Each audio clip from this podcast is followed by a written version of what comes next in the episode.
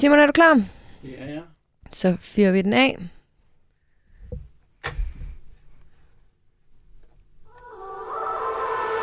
Radio 4 taler med Danmark. Velkommen til Overskud. Så tror jeg nok, at øh, vi kommer i gang med øh, overskud her. Jeg hedder Sofie Østergaard, og jeg har øh, fornøjelsen af den næste lille times tid og simpelthen bare tale om noget af det, som jeg selv synes er så sindssygt spændende. Det er økonomi, og det er investeringer. Og i dag, der skal vi altså tale om økonomisk ligestilling. Og det kan godt være, at det lyder som øh, et, øh, et, et, et rødstrømpeprogram, eller et program, hvor der er måske allerede nogen, der tænker, Åh. men ved I hvad, det er faktisk helt vildt vigtigt. Og det er ikke bare vigtigt for kvinder, det er vigtigt for alle, det er vigtigt for samfundet, det er vigtigt for fremtiden. Vi skal simpelthen øh, tale om det her, fordi øh, der er altså nogle tal, der peger på, at øh, det står altså ikke øh, helt godt til øh, endnu. Og det bliver vi simpelthen som øh, samfund nødt til at gøre noget ved.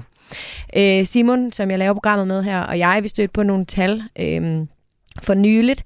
Nogle tal øh, fra Nordnet, som har, sådan, har sat sig lidt fast øh, hos os.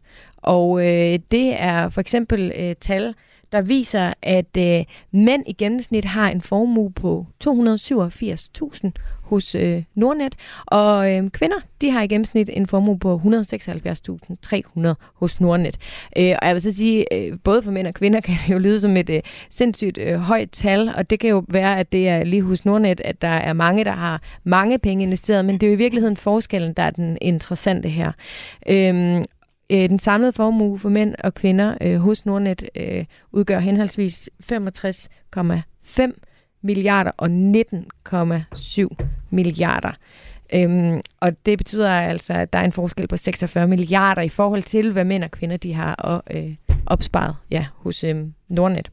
Men øh, det er ikke bare hos Nordnet, at det her det er helt skidt. Det er faktisk rigtig mange forskellige steder. Og ved I hvad? Det dykker vi ned i i dag, fordi det er et overdrevet vigtigt emne øh, at få sat fokus på. Og jeg har en masse spændende øh, gæster med, som øh, alle sammen er klar til at give deres syn på sagen, fordi det handler måske i virkeligheden ikke kun om investering, måske handler det også om øh, løn og andre ting, som vi altså skal være ret opmærksom på. Men velkommen til. Det her det er Overskud, og jeg hedder Sofie Østergaard. Wow. Den er godt nok øh, pompøs. Natalia, velkommen til dig. Hvad siger du om vores øh, pompøse øh, lyd her? Var det ikke vidunderligt? Jo, jeg synes, det er fantastisk. det er godt. Det fortjener emnet. Ja, ikke? Der er noget power bag på en eller anden måde. Rigtig dejlig måde. Øhm, Natalia Anna Rogaszewska, du er direktør i Kvindeøkonomien. Ja, det kan du tro. Du øh, arbejder igennem Kvindeøkonomi. Det er en interesseorganisation, som arbejder for økonomisk ligestilling. Men udover det, så er du også øh, stifter og direktør i Værbar. Ja, ja, det er også rigtigt. Det er, øh, hvor I rådgiver øh, virksomheder i, hvordan de sådan skal håndtere barsel. Ja, Værbar, det er meget konkret. Ja, det er meget konkret. konkret. Ja. Værbar, det er en sammentrækning af værdi og barsel. Og mm. det er en virksomhed, hvor jeg rådgiver virksomheder i at øh, håndtere barsel strategisk. Sådan at øh, man får det bedste ud af barselen, og man får det omsat til værdi i sit arbejdsliv, både for den enkelte, men selvfølgelig også for øh, arbejdsgiveren. Men det er nok faktisk øh, ret vigtigt. Det er rigtig altså, vigtigt. nu har jeg øh, fået tre børn, ja. og jeg vil sige, hver eneste gang, uanset om jeg var fastansat øh, ved DR, eller om jeg var øh, selvstændig og ansat i min egen virksomhed, så har det bare været noget rod og noget kluder og bare sindssygt indviklet. Altså. Ja. Og man kan sige, ud over det, så har det jo også rigtig meget at sige i forhold til øh, vores emne i dag, nemlig øh, ulighed i løn. Mm. Det er jo sådan, at øh, 80 procent af uligheden i løn, den opstår i forbindelse med, at kvinder bliver mødre. Og øh, jo færre penge man har, jo færre penge har man at investere for. Ja. Så derfor så hænger tingene sammen og bider sig lidt i halen, og det håber jeg at også er noget af det, vi kommer til at tale lidt mere bredt om i dag, når vi taler økonomisk ligestilling. Jamen, øh, det lover jeg, fordi lige så vel som øh, vi jo altid har i programmet, når vi taler om investeringer og taler om renters rente og taler om, at hvis man starter tidligt, om bare, så behøver man bare et lille beløb, fordi det på sigt bliver til et meget større beløb, jo tidligere man kommer i gang. Det er jo fuldstændig det samme der gør sig gældende, når det handler om økonomisk ligestilling.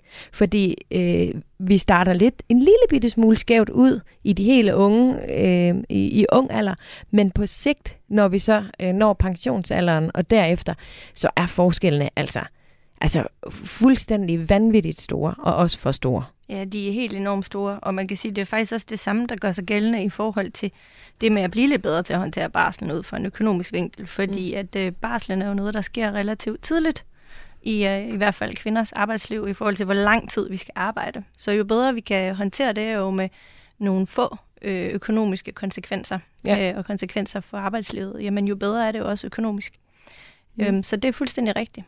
Og jeg ved, en af dine pointer er jo netop også, at i gennemsnit, øh, der lever kvinder faktisk også længere end mænd. Ja, det gør vi jo, og det betyder, at, øh, at vi også har brug for nogle flere penge at leve for, når vi bliver ældre. Øh, og når man så samtidig kigger ind i et øh, velfærdssamfund, som, øh, som højst sandsynligt ikke har de midler, øh, som, øh, som er til, eller har været til rådighed i hvert fald, til at fortsætte øh, en standard. Der er i hvert fald nogle reformer, der skal til. Så er det jo også en rigtig god idé, hvis man kan styrke den enkelte persons øh, økonomi. Ja, klart. Øh, ja, og at vi selv kan tage ansvar, mm. altså, så mhm. vi netop ikke har brug for... Ja, der er øh, rigtig meget ja. altså, trivsel og glæde øh, i ja. at, at, at have penge til at, at leve, og grundlæggende handler det jo om, at, at økonomisk frihed stadigvæk er vejen til, øh, til åndelig frihed. Mm. Så det er, det er nogle rigtig vigtige øh, emner. Ja. Nu sagde jeg jo her i introen, at øh, vi havde, Simon og jeg, vi var faldet over de her tal fra Nordnet, som egentlig gav os øh, ideen til at øh, lave det her program, fordi så kiggede vi sådan lidt uden for Nordnet selvfølgelig, og, og kan jo bare se, at det er jo ikke fordi, vi som sådan blev super overrasket, men jeg tror alligevel, at det overraskede os begge to, at der er så markante forskelle.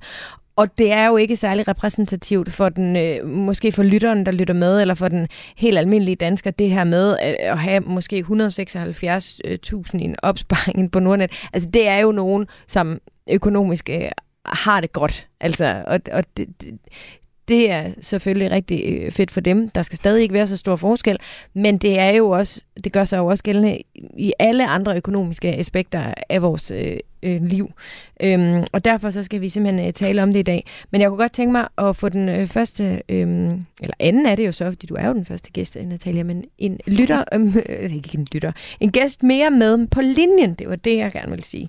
Øhm, og det er dig, Lene Nording Gros fra øh, Nordnet, du er kommunikationschef. Er du med, Lene? Det er jeg. Dejligt. Tak, fordi du ville være med i dag. Nu var det jeres tal, faktisk, som gjorde, at vi øh, fik øh, lyst til øh, at lave de her, det her program. Og vi har nævnt det der med, at der er 46 milliarder til forskel mellem altså, hvad mænd og kvinder de har øh, øh, hos jer øh, investeret, eller opsparet er det i virkeligheden. Øhm, det er jo helt sindssygt tal, det der. Er I ikke selv, var I ikke selv overrasket over dem, eller hvad? Øh, både ja og nej. Fordi vi er jo meget optaget af, af ligestilling i Nordnet, og det er faktisk en del af vores virksomheds-DNA, hvis man kan tale om, øh, om øh, en virksomheds-DNA. Så vi vidste godt, at der var øh, de her store forskelle, og så blev vi alligevel øh, lidt overrasket over resultatet, for 46 milliarder er jo gigantiske forskelle på, hvor meget henholdsvis mænd og kvinder har sparet op, bare hos os og bare i Nordnet i Danmark. Mm. Og man kan sige, øh, selvom penge ikke i sig selv er, er vejen til lykken, så er det jo trods alt fundamentet for, hvilke udfoldelsesmuligheder den enkelte har i et samfund som vores. Så derfor så har de her kæmpe forskelle også en meget, meget stor betydning i vores samfund. Mm. Men øhm, jeg ved, at det, altså, når vi siger 46 milliarder, så er det jo også fordi, I har flere mænd som kunder, end I har kvinder. Er det rigtigt? Ja, det er jo den aller sige, første forskel. Det er, at ud af vores 365.000 kunder, der er cirka en tredjedel kvinder. Så det er jo allerede der, den første forskel er, at vi simpelthen har flere mandlige kunder end kvinder. Mm. Og når vi så, hvad kan man sige, renser for de forskelle, så er der stadig en forskel på 12,6 milliarder. Og det hænger jo sammen med de øh, tal, som du nævnte i, øh, i starten af udsendelsen, ikke? hvor mænd i gennemsnit har en formue på 287.000 bare hos os, og kvinder 176.000 i gennemsnit. Ja. Hvilke årsager, altså hvad, hvad tror du, der er forskel, hvad, hvad tror du, der er årsagen til, at de har forskel? Jeg tror, der er mange forskellige, øh, både sådan, hvad kan man sige, forskelle, og der er også forskellige hypoteser. Først og fremmest så tror jeg, det er vigtigt, at man lige gør sig klart, at det her med, som man taler med mænd og kvinder, så det er ikke sådan med, at alle mænd opfører sig på en måde, og alle kvinder opfører sig på en anden måde. Der er jo selvfølgelig forskel inden for de forskellige grupper. Men den første forskel, det er helt klart det her med, at der er forskel på, hvad mænd og kvinder tjener nu, og i høj grad også, hvad de har tjent igennem de sidste mange år. Så er der jo forskel på, hvor længe mænd og kvinder har investeret. Det hænger også sammen med de her lønforskelle. Og så er der også forskel på, hvornår mænd og kvinder i gennemsnit starter med at investere.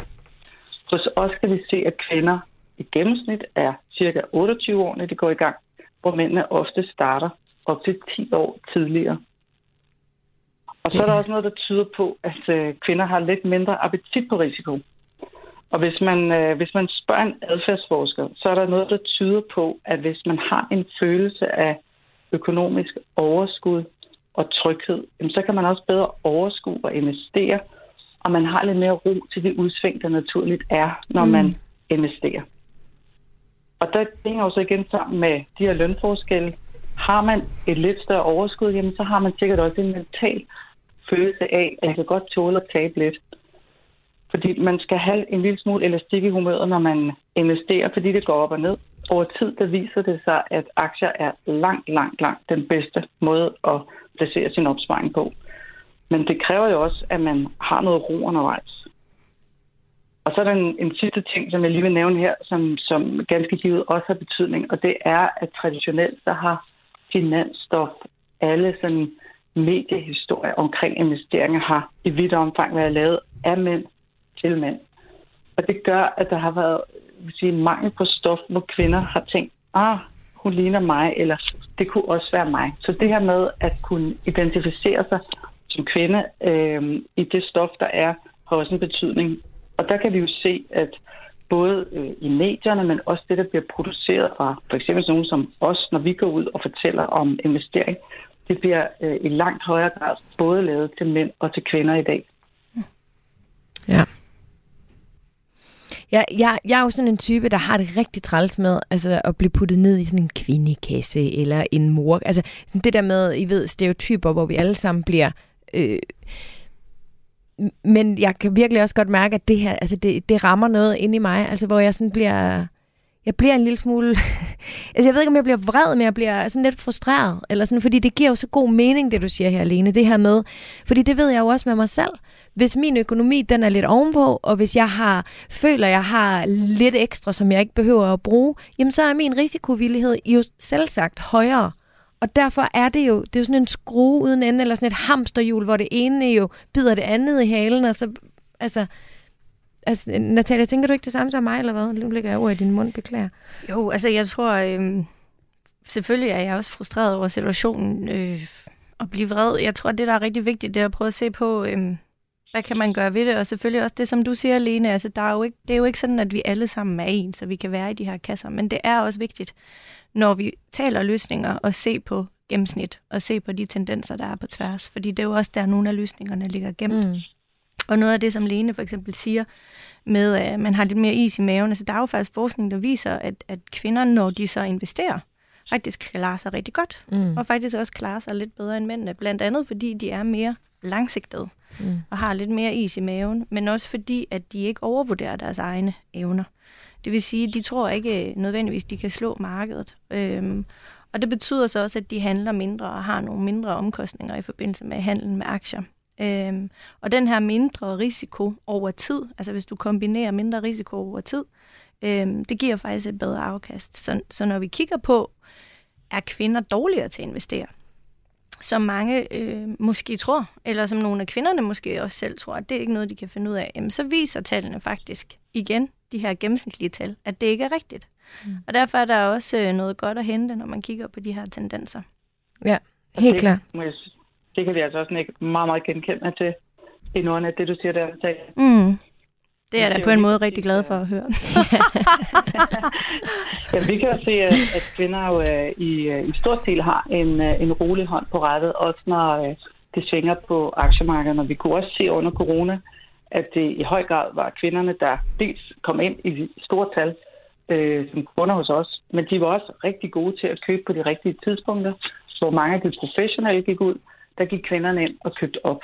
Og vi kan også se nu, hvor aktiemarkederne har svinget og også været hårdt presset her i 2022, der har kvinderne også været gode til at investere langsigtet, og det hænger også sammen med vil sige, den, vil sige, de præferencer, de har, mm. øh, når de investerer. Så der er virkelig ingen grund til at holde sig tilbage. Der er virkelig ingen grund til at tro, at man ikke kan være mindst lige så dygtig til at investere, når man er kvinde, som når man er mand. Så mm. det er egentlig bare at øh, sætte sig ind i de grundlæggende ting, og så kan kvinder i lige så høj grad som mænd bruge investering som en attraktiv måde at spare på. Jeg tror også, øh, altså jeg tror i hvert fald, hvis jeg kigger sådan rundt i, i, i min omgangskreds, at, at der er mange kvinder, der gerne vil øhm, altså forstå det ordentligt og virkelig have sat sig 100% ind i det hele, inden de kaster sig ud i det. Øh, og der er jeg sådan ret meget mandeagtig, øh, så passer ikke ind i den der boks, som jeg nu taler om. Men, men hvor, øh, hvor jeg tror, at mange mænd, de har, altså det er jo lidt det er svært ikke at generalisere, men det er jo bare min egen tese, at de har måske mere sådan, jeg prøver lige. Og i virkeligheden er det noget af det, som jeg håber og gerne vil opfordre mange altså kvinder til. Det er jo ikke, fordi de ikke skal sætte sig ind i det, men man kan godt starte en lille bitte smule samtidig med, at man så ligesom prøver sig frem, og man behøver jo ikke at kunne læse alle regnskaber fra A til B og forstå alting fuldstændig og have sat sig ind i, hvor mange der er det ene og det andet, og hvad de har haft af overskud i de sidste øh, 10 år. Øhm, det tror jeg i hvert fald øh, også kan, kan have en årsag. Øh, ja, men altså helt sikkert. Selvfølgelig er der øh, en rigtig stor del af det her, som handler om, at man som kvinde selv tager ansvar for sin økonomi. Mm. Og en del er jo også at, at, at tilegne sig den viden, der er nødvendig for at komme i gang med at investere. Og den findes derude. Den findes ja. jo hos Nordnet, den findes hos os øh, i kvindeøkonomien. Altså, Men også det, bare, at man ikke skal tro, at man skal vide for meget, nej, inden man starter. Altså. Og, og det er jeg enig med dig i. Og, og der tror jeg også, altså, som du selv siger, at, at sproget er vigtigt. Og det er jo også noget af det, Lene siger med kommunikation. Lene, du, altså, du har meget mere styr på det med, hvad kommunikation gør, end jeg har. Men den måde, vi taler om tingene på, er jo vigtig. Mm. Bare når vi siger, at kvinder er mindre risikovillige end mænd, ligger der jo for mange en negativ lavet konjunktion der, ikke? Mm. Øh, og det vi i virkeligheden kan se i tallene, det er jo, at risikovillighed øh, ikke nødvendigvis er godt.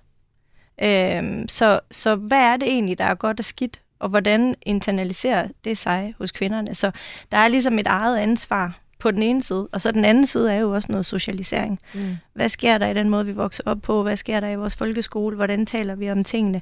Øhm, altså forskning viser også, at kvinder får for eksempel øh, færre lommepenge for det samme arbejde, når de er helt, eller ikke kvinder, det er jo så børn. øhm, og øh, jeg mener også, at Jeff lavede den her undersøgelse tidligere på året, som viste, at øh, kvindelige studerende får øh, jeg kan ikke huske, om det var 13 eller 19 kroner mindre i timen, end mandlige studerende gør. Så man kan sige, ulighederne og opfattelsen af, hvad kvinder kan og skal og bør, mm. starter rigtig tidligt. Ja. Og de forventninger sætter sig jo et sted, øh, også når man så bagefter bliver voksen og skal ja. ud og kaste sig ud i at investere. Ikke? Klart. Og både løn og, og faktisk også øh, nogle af de her undersøgelser vender vi tilbage til øh, senere. Men egentlig, jeg kunne godt lige tænke mig, fordi jeg synes for os, der, i, der bliver, vi modsiger måske, øh, eller der er to modstridende argumenter øh, på banen lige nu. Den ene, øh, siger du, Lene, øh, øh, som er en af årsagerne til, at mænd måske har flere, eller en, en større formue, det er, at kvinder er mindre risikovillige. Samtidig så taler I to, og jeg har også øh, læst undersøgelser, der peger på, at kvinder faktisk ikke er dårligere, men i, i, i mange tilfælde måske endnu bedre øh, til at investere, fordi de har lidt mere den her ro i maven. Kan, Lene, kan du forstå, hvis jeg føler, at de sådan faktisk modsiger lidt øh, hinanden, de to argumenter? Mm, jamen egentlig ikke, fordi det vi jo kan se, det er, når vi, når vi har en top 10 over de mest populære investeringer hos os, så kan vi se, at kvinder har fem indeksfonde, hvor mændene har to. Og indeksfonde, det er jo en måde, hvor du får spredt den risiko. Du kan købe en lille bitte bid af virksomheder over hele verden. Og man kan sige, at hele verden går nok ikke konkurs. Næsten gør så det, så økonomien nok det mindste problem. Øhm, så det er en måde, hvor man får øh, spredt sin risiko. Det er også en måde, hvor man får lave omkostninger, fordi de her fonde, de er billige. Og så øh, får kvinderne jo automatisk lavet sådan, hvad kan man sige, en robrødsopsparing, hvor de får spredt deres risiko. Så de øh, er jo snusfornuftige på den måde. De gør jo i virkeligheden det, som er sådan god latin, når man investerer. Spred din risiko, tænk langsigtet, så for ikke at lægge alle æg i en kurv.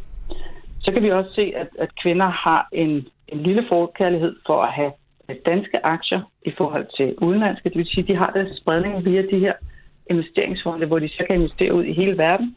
Og når de så køber enkeltaktier, så er de øh, glæder for sådan noget som Novo Nordisk og, og Genmap og, og Vestas. Der er også en, øh, hvad kan man sige, en lidt større forkærlighed for bæredygtige aktier i forhold til, til mænd, hvor mænd rigtig godt kan lide sådan noget med øh, teknologi og ølaktier, eller bryggerier, mm. øh, så er kvinder mere til medicinal og bæredygtige investeringer.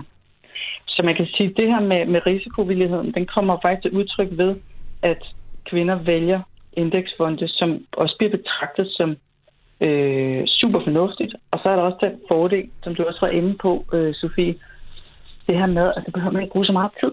Fordi så behøver man ikke at sidde nørde rundt i alle mulige regnskaber og forholde sig til alt muligt.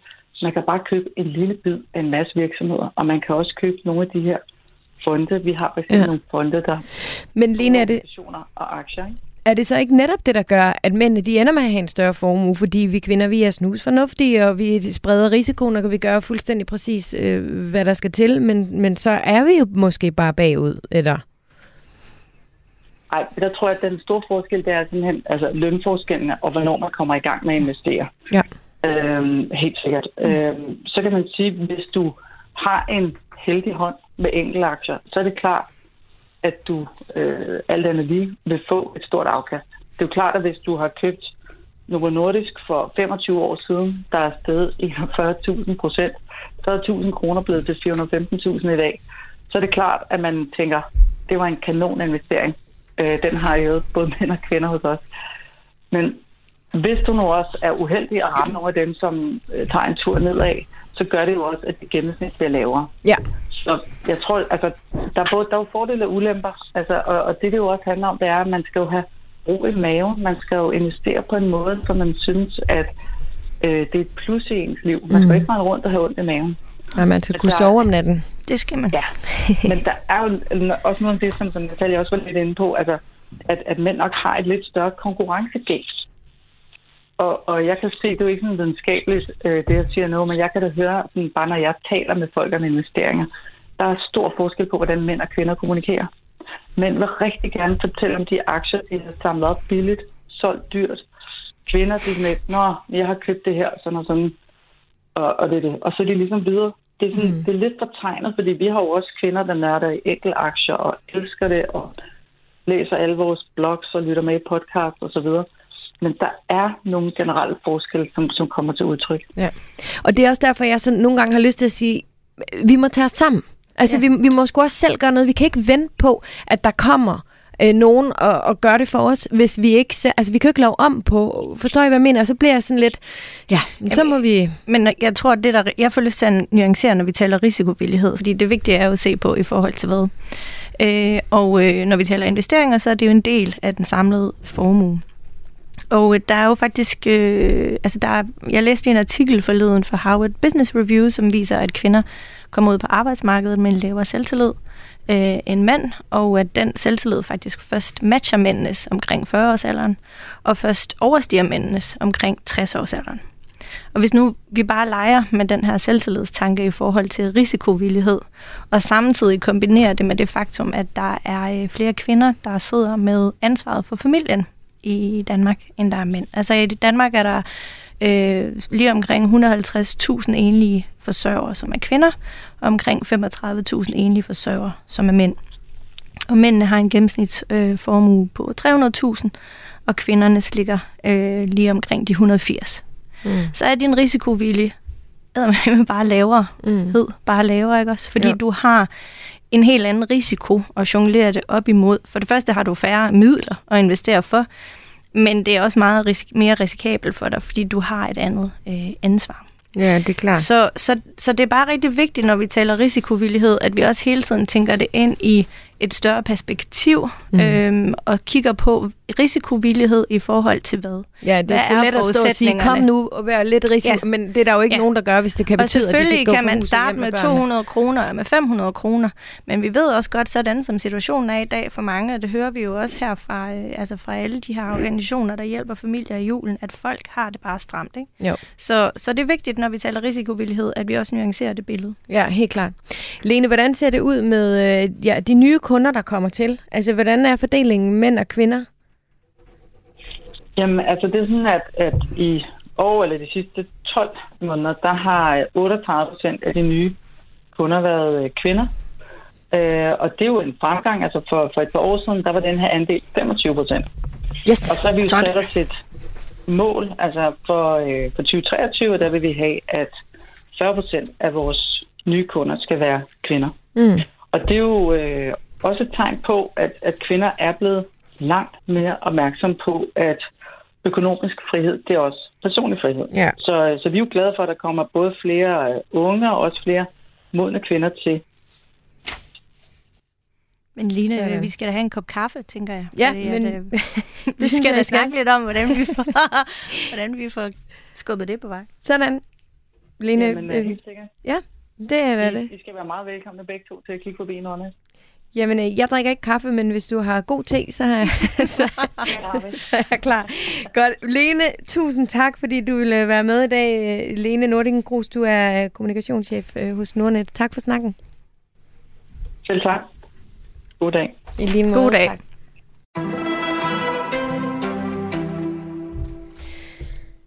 Ja, Natalia, jeg øhm, kan godt blive... Jeg, jeg ved ikke. Altså, jeg synes bare... Du ved, på den ene side, så har jeg det, nu må vi simpelthen også bare, og vi skal selv alle sammen gøre noget, og så må vi bare... Og så, når vi taler om det her, hvordan det bare, altså helt fra barns ben og helt fra... Altså, så er det godt nok en stor sten, vi skal have mm. trillet øh, en del på, ikke? Men det er jo derfor, det er så vigtigt, at øh, du for eksempel gør det, du gør med det her radioprogram, fordi at øh, når først man dykker ned i, hvor, altså, ja, hvor stor en sten det er, og hvordan mm. den bliver større, jo længere den triller, det er så godt nok ja. snebolde, der gør det, ikke sten. Det er lige men, meget. En sten men kan godt fald, trille, hvis man er stærk nok. Så er det vigtigt at, altså, at have fokus på det her område, ikke? Jo, det er nemlig mega vigtigt. Og øh, både dig og Lene, I var jo inde på det her med lønforskelle, og dem synes jeg faktisk, vi skal dykke lidt ned i nu, fordi nu har jeg nemlig en ny gæst med på linjen, og det er dig, Jakob Eholdt Søgaard. Ja, tak fordi I måtte med. Det er simpelthen mig, der takker. Du er adjunkt på Økonomisk Institut, og så forsker du i løngab mellem mænd og kvinder. I øh, følge Danmarks Statistik, så lå løngabet på 12,3 procent tilbage i 2021. Altså at mænd de tjener 12,3 procent mere end kvinder i gennemsnit Ja. i Danmark. Det er jo virkelig meget. Og det er jo selvfølgelig mænd og kvinder fordelt på arbejdsmarkedet. Det vil sige, det er både de unge og det er de, de ældre. Ja. Men jeg forestiller mig, at jo ældre vi bliver, jo større er det her gap.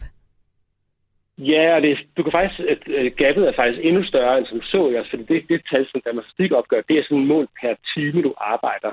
Mm. Øh, og kvinder arbejder også øh, færre timer end mænd, så hvis du ligesom kigger på, øh, på mænd og kvinder, så bare tager deres lønsedler eller deres årsindkomster, som skal opgøre det, så tjener kvinder faktisk endnu mindre øh, end mænd, hvis du... Øh, Ved du, hvor meget? For, at det ligger altså nærmest 18-20 procent, så det er altså endnu, endnu vildere i virkeligheden. Øh, På den dårlige måde. Så det, det, ja, så det, det, Jamen havde det været omvendt, havde det jo selvfølgelig heller ikke været fedt. Men det er jo helt sindssygt, det der, Jakob.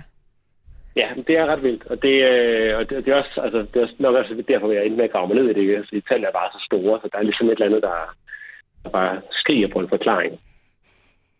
Så kom lige med den forklaring, Jacob.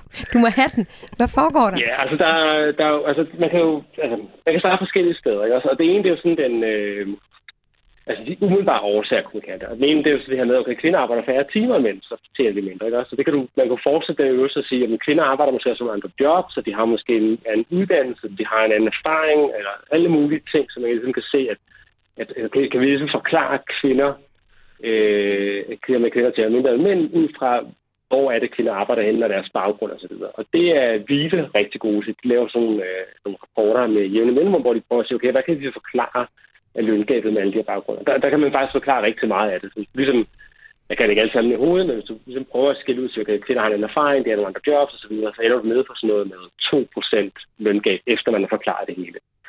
Så, mm. så det er ligesom, det, er det, man kunne kalde de umiddelbare årsager. Så det er så fint nok, at vi ligesom kan forklare det, men, men det ændrer sig ikke ligesom på at sige, men hvorfor vælger kvinder så ligesom systematisk at være i job eller uddannelse videre, eller arbejde færre timer, som så giver dem øh, 20 procent mindre løn. Altså. Og det er der, hvor min forskning kommer mere ind og siger, det, det vi kigger på, det er sådan, hvad sker der med mænd og kvinders karriere omkring det tidspunkt, de får børn?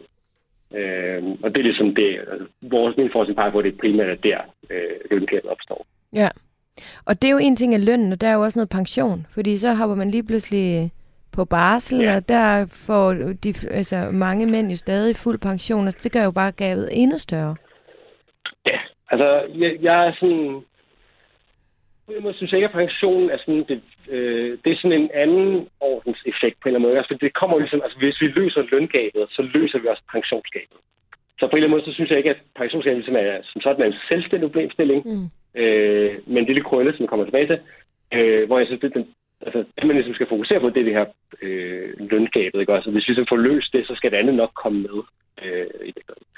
Øh, det eneste, hvor jeg synes, der er lidt problematisk, det er, at, at, øh, at hvis mænd og kvinder ender med at gå fra hinanden, så er de reglerne i dag, det er sådan, at, at for ikke, man deler faktisk ikke længere den, den pension, du har inde i pensionskasserne, øh, på samme måde, som du gjorde tidligere. Og det vil sige, at hvis, hvis mænd og kvinder, altså hvis nu man ender i, kvinderne går, eller øh, bagud mændene i, i, i husstanden, og så de bagefter går fra hinanden, så bliver kvinderne faktisk dårligere stillet, fordi så har hun ikke noget så meget pension med. Jeg stoler ikke på, at folk, som øh, altså, hvis folk bliver sammen, så, så håber jeg også på, at folk kan fordele den indkomst, der kommer fra deres pension. øhm, det er det billede af, af manden, der skal ud på restaurant, og kvinden, hun må vise en rugbrød derhjemme, selvom de... Ja, ja ej, det, ja, det er selvfølgelig ja. en god pointe. Øhm, ja. Der er nogle ting, altså der, der er nogle, nogle ting omkring øh, pension, som er vigtige, ikke også? men jeg synes på en eller anden måde, det, det, det umiddelbare problem er, det er løngabet, hvis vi ligesom får, løst det, skal det andet ja. komme med. Og, og særligt fordi nogle ting, jeg hører folk snakke om, det er sådan, om så skal kvinder betale mere ind til pensionen. Øh, fordi de ligesom skal indhente mænd, ikke også? Men det rammer mig ligesom så dobbelt, fordi hvis de så tjener mindre, og nu skal de også til at betale mere ind til pensionen, så er de endnu ja. mindre løn øh, nu her, mens, og det er jo ofte på det tidspunkt, hvor børnene er små, eller et eller andet, hvor man ligesom har brug for pengene mm. på en anden måde, end når du bliver gammel. Mm. Øh, så på den måde, altså, ja, det er lige, hvad man skal gøre ved det.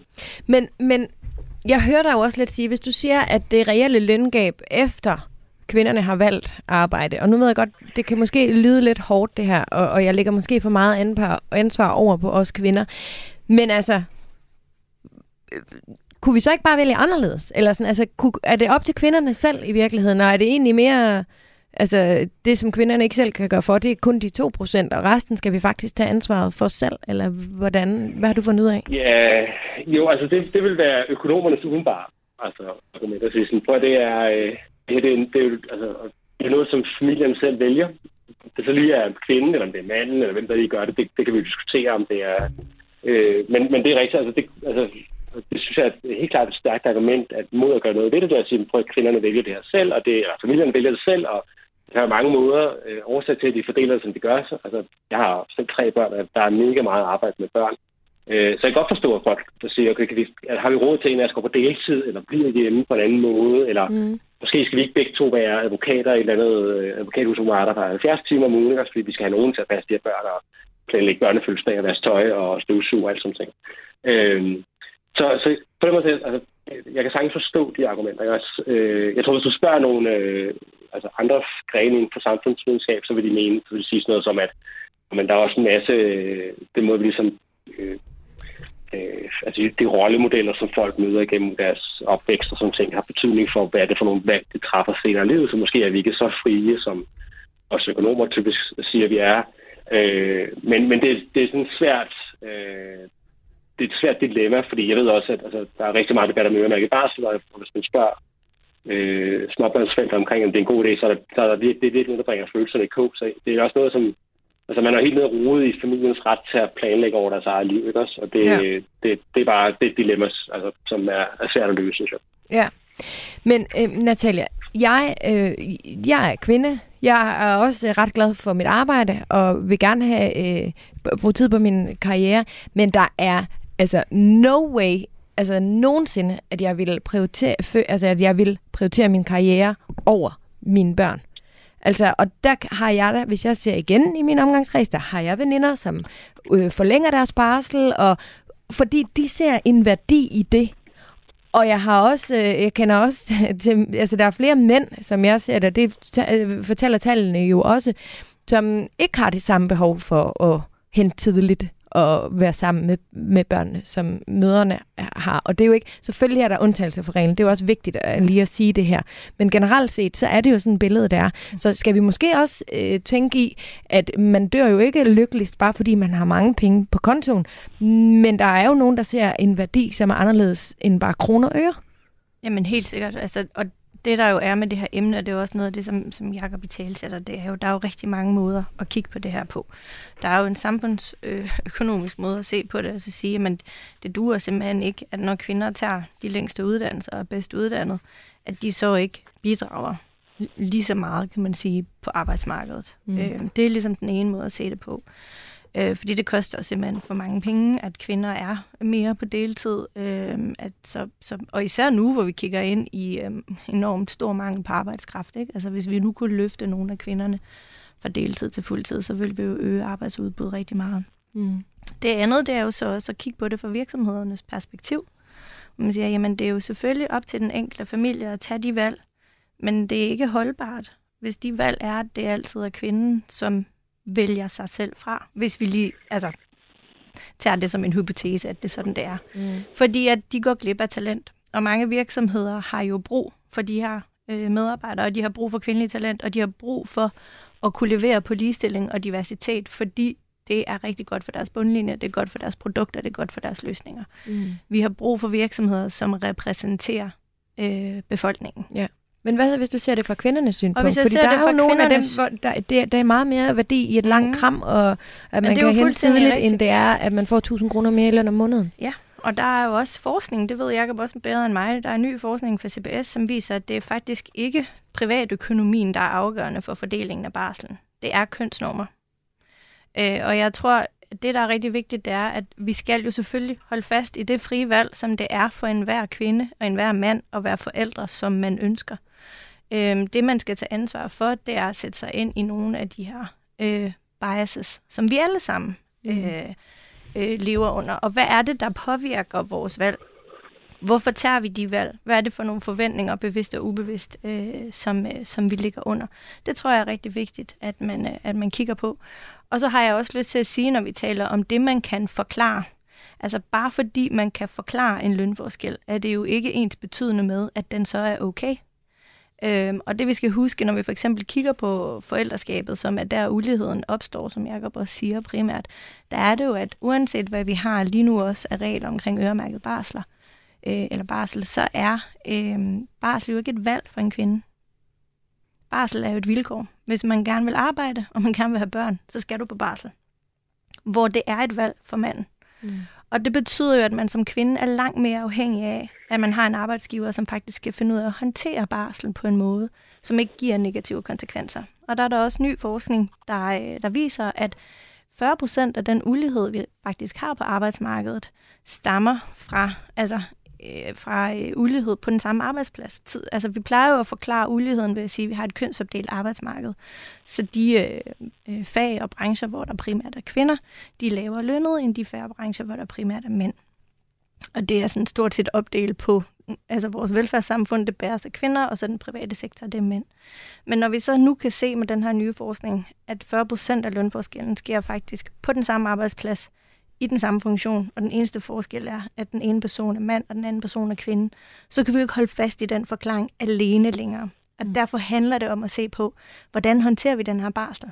Hvad er det for nogle kønsbias? Hvad er det for nogle processer, vi har? Hvordan organiserer vi det? Har vi klædt lederne på til den opgave? Det er jo blandt andet noget af det, jeg laver i uh, Værbarm. Ja. Jakob, øh, viser din forskning, øh, støtter den op om øh, Natalias teorier her? Ja, altså hun refererer meget forskning, så, og jeg kender de fleste af dem, at, at det at stemmer meget godt overens med min egen, øh, ja, egen læsning af det. Øhm, ja, jeg ved ikke, om jeg skal tilføje Altså, jeg tror, jeg altså, vender lidt tilbage til min egen forskning. Altså, jeg tror, det som er... Øh, altså, præsten er jo et godt eksempel på, hvordan mænd og kvinder øh, ender med en meget skæv fordeling. Jeg tror, hun er ret i, at det er... Øh, altså, det, lige det, vi snakker, har de her diskussioner faktisk hjælper ret godt, fordi noget af det, som man de her biases, så nu igen, det er uden for mit felt, men altså, når man snakker om sådan, de, sådan de her adfærdsbiases og så videre, det er jo ofte noget, som sker sådan lidt subtilt i en, så noget, man ikke rigtig får tænkt ordentligt igennem. Mm. Øh, og alene det, at vi har de her snakker om, at okay, at folk ligesom bliver mere øh, opmærksom på de valg, de træffer, og ligesom får tænkt, er, er det virkelig sådan her, vi skal fordele det, og så videre. Øh, så jeg tror faktisk, det hjælper ret meget. Men, øh, ja. Ja, hvad, hvad, hvad skal der til, Jacob? Hvad skal vi gøre? Altså, vi kan jo ikke bare lade være med at få børn. Altså, og umiddelbart bliver det også noget rod, hvis mændene skal føde børnene, og Altså, ja. Så hvad gør vi? Ja, altså, jamen, altså jeg har ikke... Jeg, altså, det er så mine, altså, når jeg ser på de erfaringer, man har fra andre lande, altså de ting, man umiddelbart kan gøre, altså de, altså, de policy tools, vi kender i dag, det er sådan noget øremærket barsel. Øh, så er der noget med nogle forskellige kvoter, som man har forsøgt sig med på bestyrelsesgangene og så videre.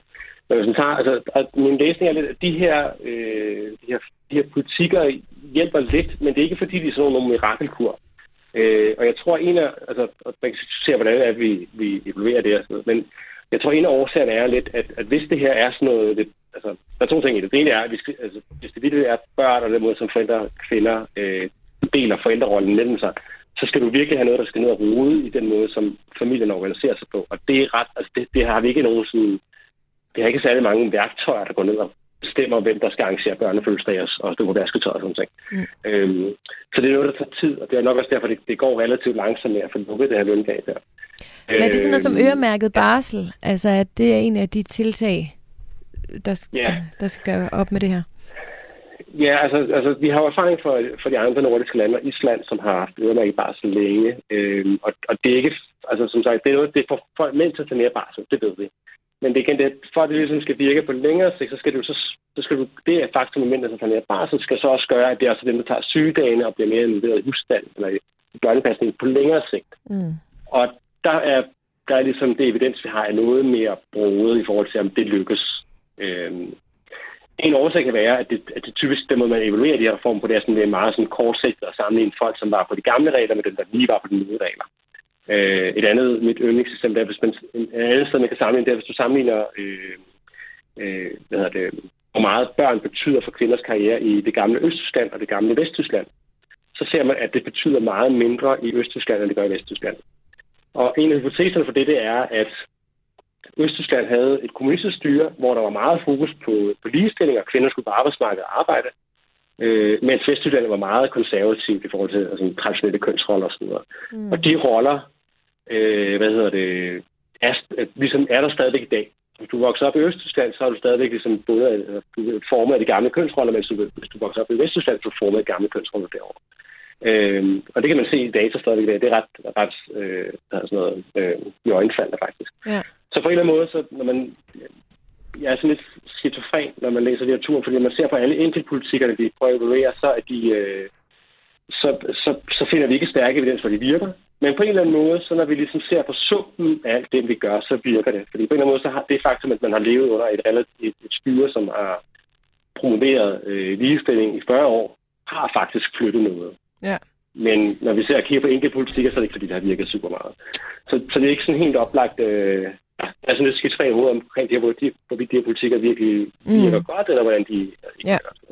Jamen, og der er jo nok heller ikke noget, der tyder på, at det her det er noget, der bliver løst nu, men om nogle generationer, så tænker jeg, at øh, alt det, vi gør nu, det er der i hvert fald nogen, der vil sætte øh, enormt øh, stor pris på.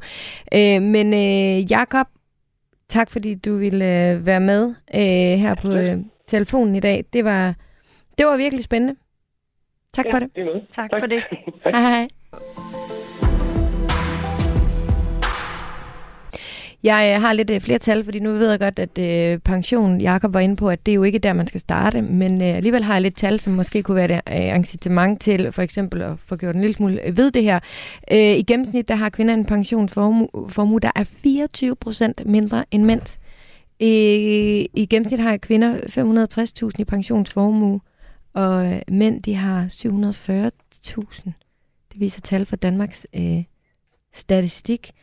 Og så er der en dansk professor ved navn Lise Vesterlund, som øh, hun er professor i økonomi. I 2020 der havde hun et forskningsprojekt, hvor hun undersøgte, hvilke nogle opgaver mænd og kvinder de ligesom siger ja til på deres arbejde. Og jeg kan jo rigtig godt lide også at holde den her, hvor vi selv altså, kan gøre noget, fordi det er jo mega vigtigt, at... Kan altså, jeg godt mærke på det. Ja, men du, og du er rigtig god til at tale om hvad lederne og hvad virksomhederne, og det er jo lige så vigtigt. Men det er altså også vigtigt, hvad vi selv vi kan gøre. Ja, men der får jeg faktisk lige lyst til at tilføje, at det der med, hvad kvinderne selv kan gøre, det har vi snakket om i rigtig, rigtig mange år, ja. hvor du kender udtrykket fix the woman. Så jeg synes, du skal fastholde det, du repræsenterer, men jeg synes bare, det er vigtigt, at vi får tippet balancen til også at tale om 100 procent ansvar ja, andre steder. det er slet ikke overhovedet uenig øh, Fordi det vinder alle ved. Det vinder ja. virksomhederne også ved. Og det er derfor, at jeg ved bare ikke, hvor mange virksomheder, der lytter med her. Øhm, men øh, hvis I gør, så, så fix det. Gør noget. ikke? Og lyt til alt det, Natalia siger. Fordi det, der er ikke nogen tvivl om, at det er, 100, det, det er mega vigtigt. Det er også bare virkelig rart nogle gange selv at kunne gøre et eller andet øh, konkret. Det er det. Og den her forsknings, øh, den her undersøgelse, som jeg taler om, at Lise Vesterlund hun har lavet, den viser, at kvinder de i meget højere grad siger ja til det, som, for, som hun valgte at kalde... Øh, altså, ikke for fremmende opgaver. Lige præcis. Mm. Ikke? Jo. Altså, øh, og det er jo også Altså selvfølgelig er det virkelig groft delt op, men det, det, og det er jo ikke fordi, kvinder ikke skal bage kage eller gøre noget andet og sætte hy, altså, hygge. Og det bliver også meget stereotyp nu. Men det er jo for sindssygt, at det også er der, vi er, altså, at vi er ude. Ikke? Øhm, de, de ikke forfremmende opgaver, øh, det er for eksempel sådan noget, der gavner organisationen, men ikke den, der udfører dem. Yes. Så vi, vi er måske ikke helt så egoist, altså egoistiske nok. Jamen altså, hendes tal, de siger, at kvinder er 48 procent mere tilbøjelige til at melde sig til frivilligt til ikke karrierefremmende opgaver end mænd. Og det er jo præcis, som du siger, nogle opgaver, som er rigtig gode for organisationen, øh, men som ikke nødvendigvis skaber synlighed omkring kvinden og hendes performance, øh, og de ting, man i øvrigt måler medarbejdere på i den ja. pågældende virksomhed. Og hvis man nu skal kigge ind i, hvad kan kvinden gøre, jamen så er det jo måske en spejling af det, man også laver derhjemme. Fordi jeg har da ikke tal på, hvor mange af mine øh, veninder, øh, eller hvor mange gange jeg har hørt min egen mor, og i virkeligheden måske også mig selv, sige, hold kæft mand, jeg laver simpelthen så meget derhjemme, og der er ingen, der lægger mærke til det. Ja, og i virkeligheden, det du laver derhjemme, som jo er at sætte et plaster på, eller som er at give en krammer, eller som er at synge en sang, hvor, øh, hvor mænd i højere grad måske lægger fliser, eller klipper en hæk, og det kan vi godt vente med til en gang i næste uge. Altså, Ja, det er det ene, og det andet er, at det er meget mere synligt, at du har klippet en hæk, ja. end at du har øh, holdt et eller andet barn, der kaster op, for ja. eksempel. Så, så derfor er der noget omkring synlighed, som mm. er vigtigt, når vi taler ind i et løngab, fordi hvad er det, man bliver belønnet for? Og det er jo også meget sværere som kvinde at konkretisere de her ikke forfremmende opgaver, fordi ja. de er usynlige. Mm. Så, så det er selvfølgelig øh, rigtig vigtigt, at jeg kan anbefale, at man læser hendes bog, The No Club, øh, ja. hvis man er interesseret i det. Og hvad kan man, øh, hvad kan man så gøre? Fordi nu bad du mig om at være meget konkret. Hvad kan mm. man så gøre? Mm. Altså man kan jo selvfølgelig kigge på de opgaver, man bliver bedt om at lave. Og så kan man være lidt mere benhård i at prioritere dem og sige ja eller nej, det kan jeg ikke. Men kan man også sige til sin chef, det vil jeg rigtig gerne, men jeg vil også gerne have, at øh, det er noget af det, som du lægger mærke til næste gang, vi har lønforhandling. Men selvfølgelig kan man det. Ja. Og alt afhænger der jo altid af relationen til en chef, mm. og der skal man jo selvfølgelig holde sig for øje, at der er et hierarkisk forhold.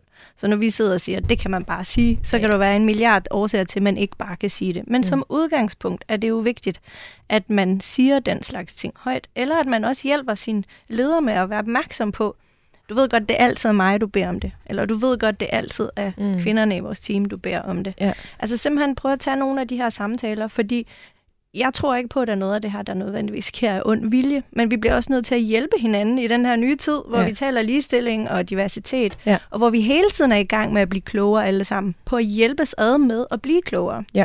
i stedet for at grøfte grave, ikke? Jo, lige præcis.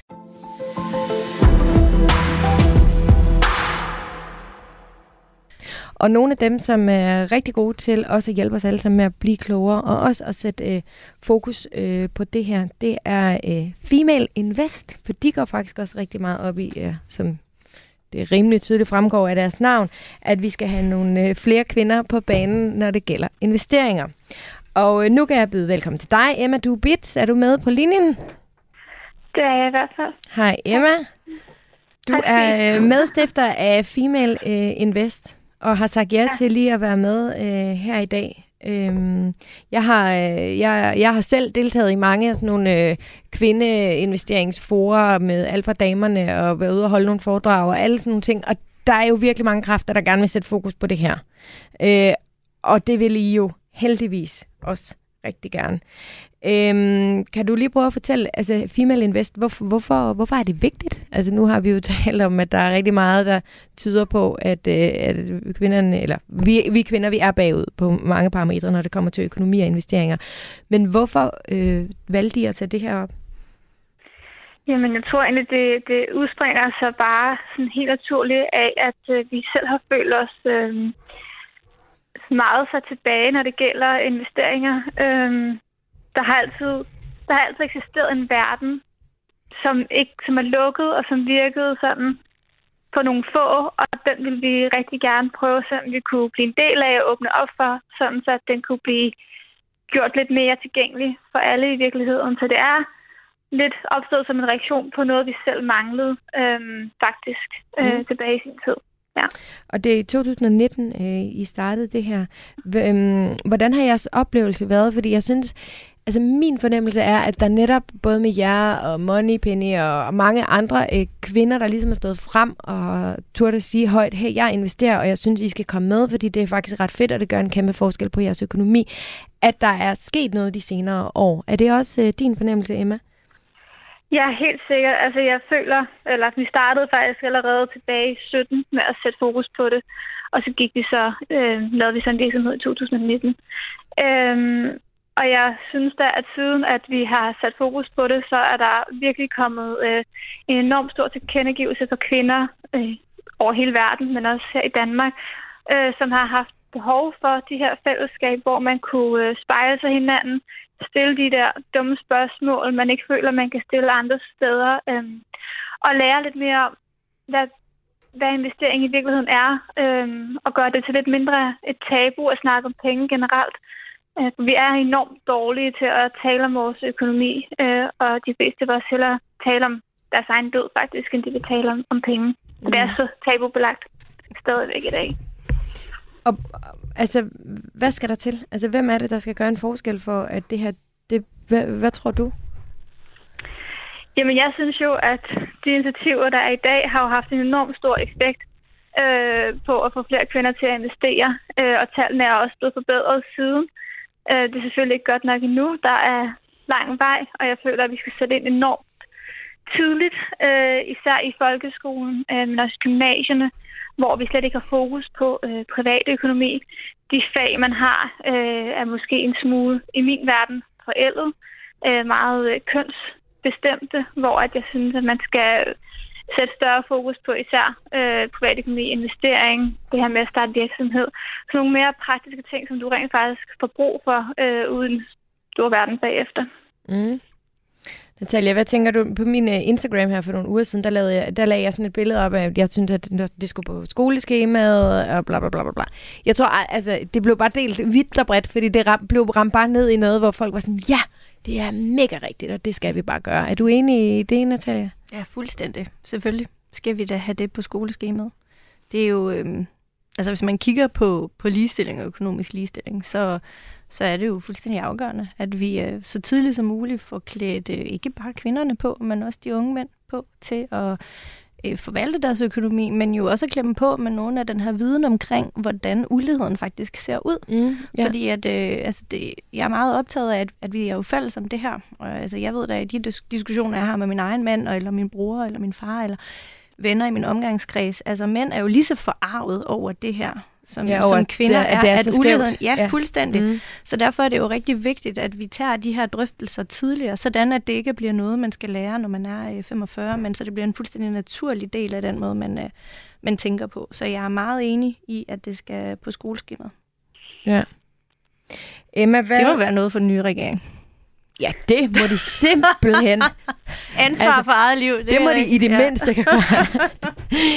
øhm, Emma, hvordan vil I fra Female Invest side øhm, altså forsøge at gøre, øh, altså gøre den her ulighed mindre? Altså, fordi I har jo også et kæmpe talerør efterhånden, har fat i mange, særligt kvinder, ikke? Jo, altså vi sætter jo enormt stor fokus på det, både gennem vores kampagner. Øh, vi har både haft Beat the Gap, men også øh, på kvindernes kampdag. Vi prøver at være med når interesseorganisationer øh, rækker ud for at skabe opmærksomhed på emnet. Øh, og så kvæg vores arbejde øh, med at tiltrække flere kvinder på flere kvinder til at ikke kun øh, at få fokus på at investere, men bare på privatøkonomi generelt, fordi at have styr på din privatøkonomi er selvfølgelig en forudsætning for, at du har overskud og råd til at investere øh, bagefter. Mm. Ja. Øh, det hele hænger jo sammen.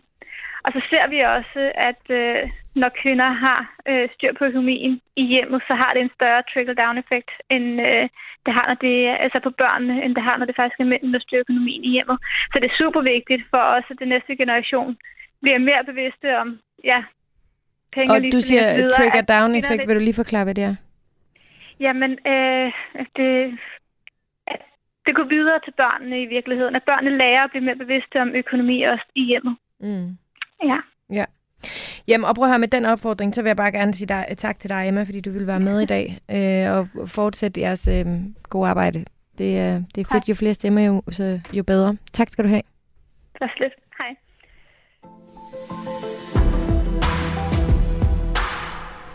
Natalia, tiden den er gået, men ja. øh, jeg vil bare gerne slutte der, hvor både Emma og slutter. Øh, men det her med, det er, det er virkelig fedt at have styr på sin økonomi. Det betyder jo ikke, at man skal have mange flere penge, end man skal bruge. Men det der med at kunne sove trygt, altså alle dem, de kvinder og mænd for den der skyld, der ikke er med, altså, kom med på vognen, fordi det kan virkelig noget, og det giver bare overskud til, til at have ro på, og til alle de andre ting i livet, som bare bliver federe. Jamen selvfølgelig. Det er da sjovere at være gammel og kunne drikke øh, champagne end at drikke dansk vand. Jamen, jeg fuldstændig enig med Men dig. øh, det, altså. vi skal være fælles om det. det. Det tror jeg vil være mit vigtigste budskab. Lige præcis. Ja. Og det er også det. Det her er ikke kvinder mod mænd. Det her, det er øh, fælles for os alle. At det vil faktisk give os alle sammen mere værdi, det hvis vi, øh, hvis vi sørger for at få styr på det. Så øhm, Natalia, tusind tak, fordi du vil være med i dag. Det var da min store fornøjelse. Jeg håber, du vil komme igen en anden gang. Det kan du tro. Du kommer både fra øh, Værbar. Værbar? Vær? Værbar, ja. Værbar. Det er et ret fint, det er et fint ord. Direktør i Værbar, så er du også øh, i kvindeøkonomien. Programmet her, det var tilrettelagt af mig selv og af Simon Helberg, som altid. Husk, du kan finde mig på mine sociale medier eller ind på vores Facebook-gruppe Overskud Radio 4. Og sørg lige for, at alle du kender kommer til at høre det her program, fordi ved I hvad? Venner, det er simpelthen noget, vi skal løse sammen det her. Fordi det holder ikke, og det holder hverken for mænd eller for kvinder. Nå, det var bare det. Tak for i dag.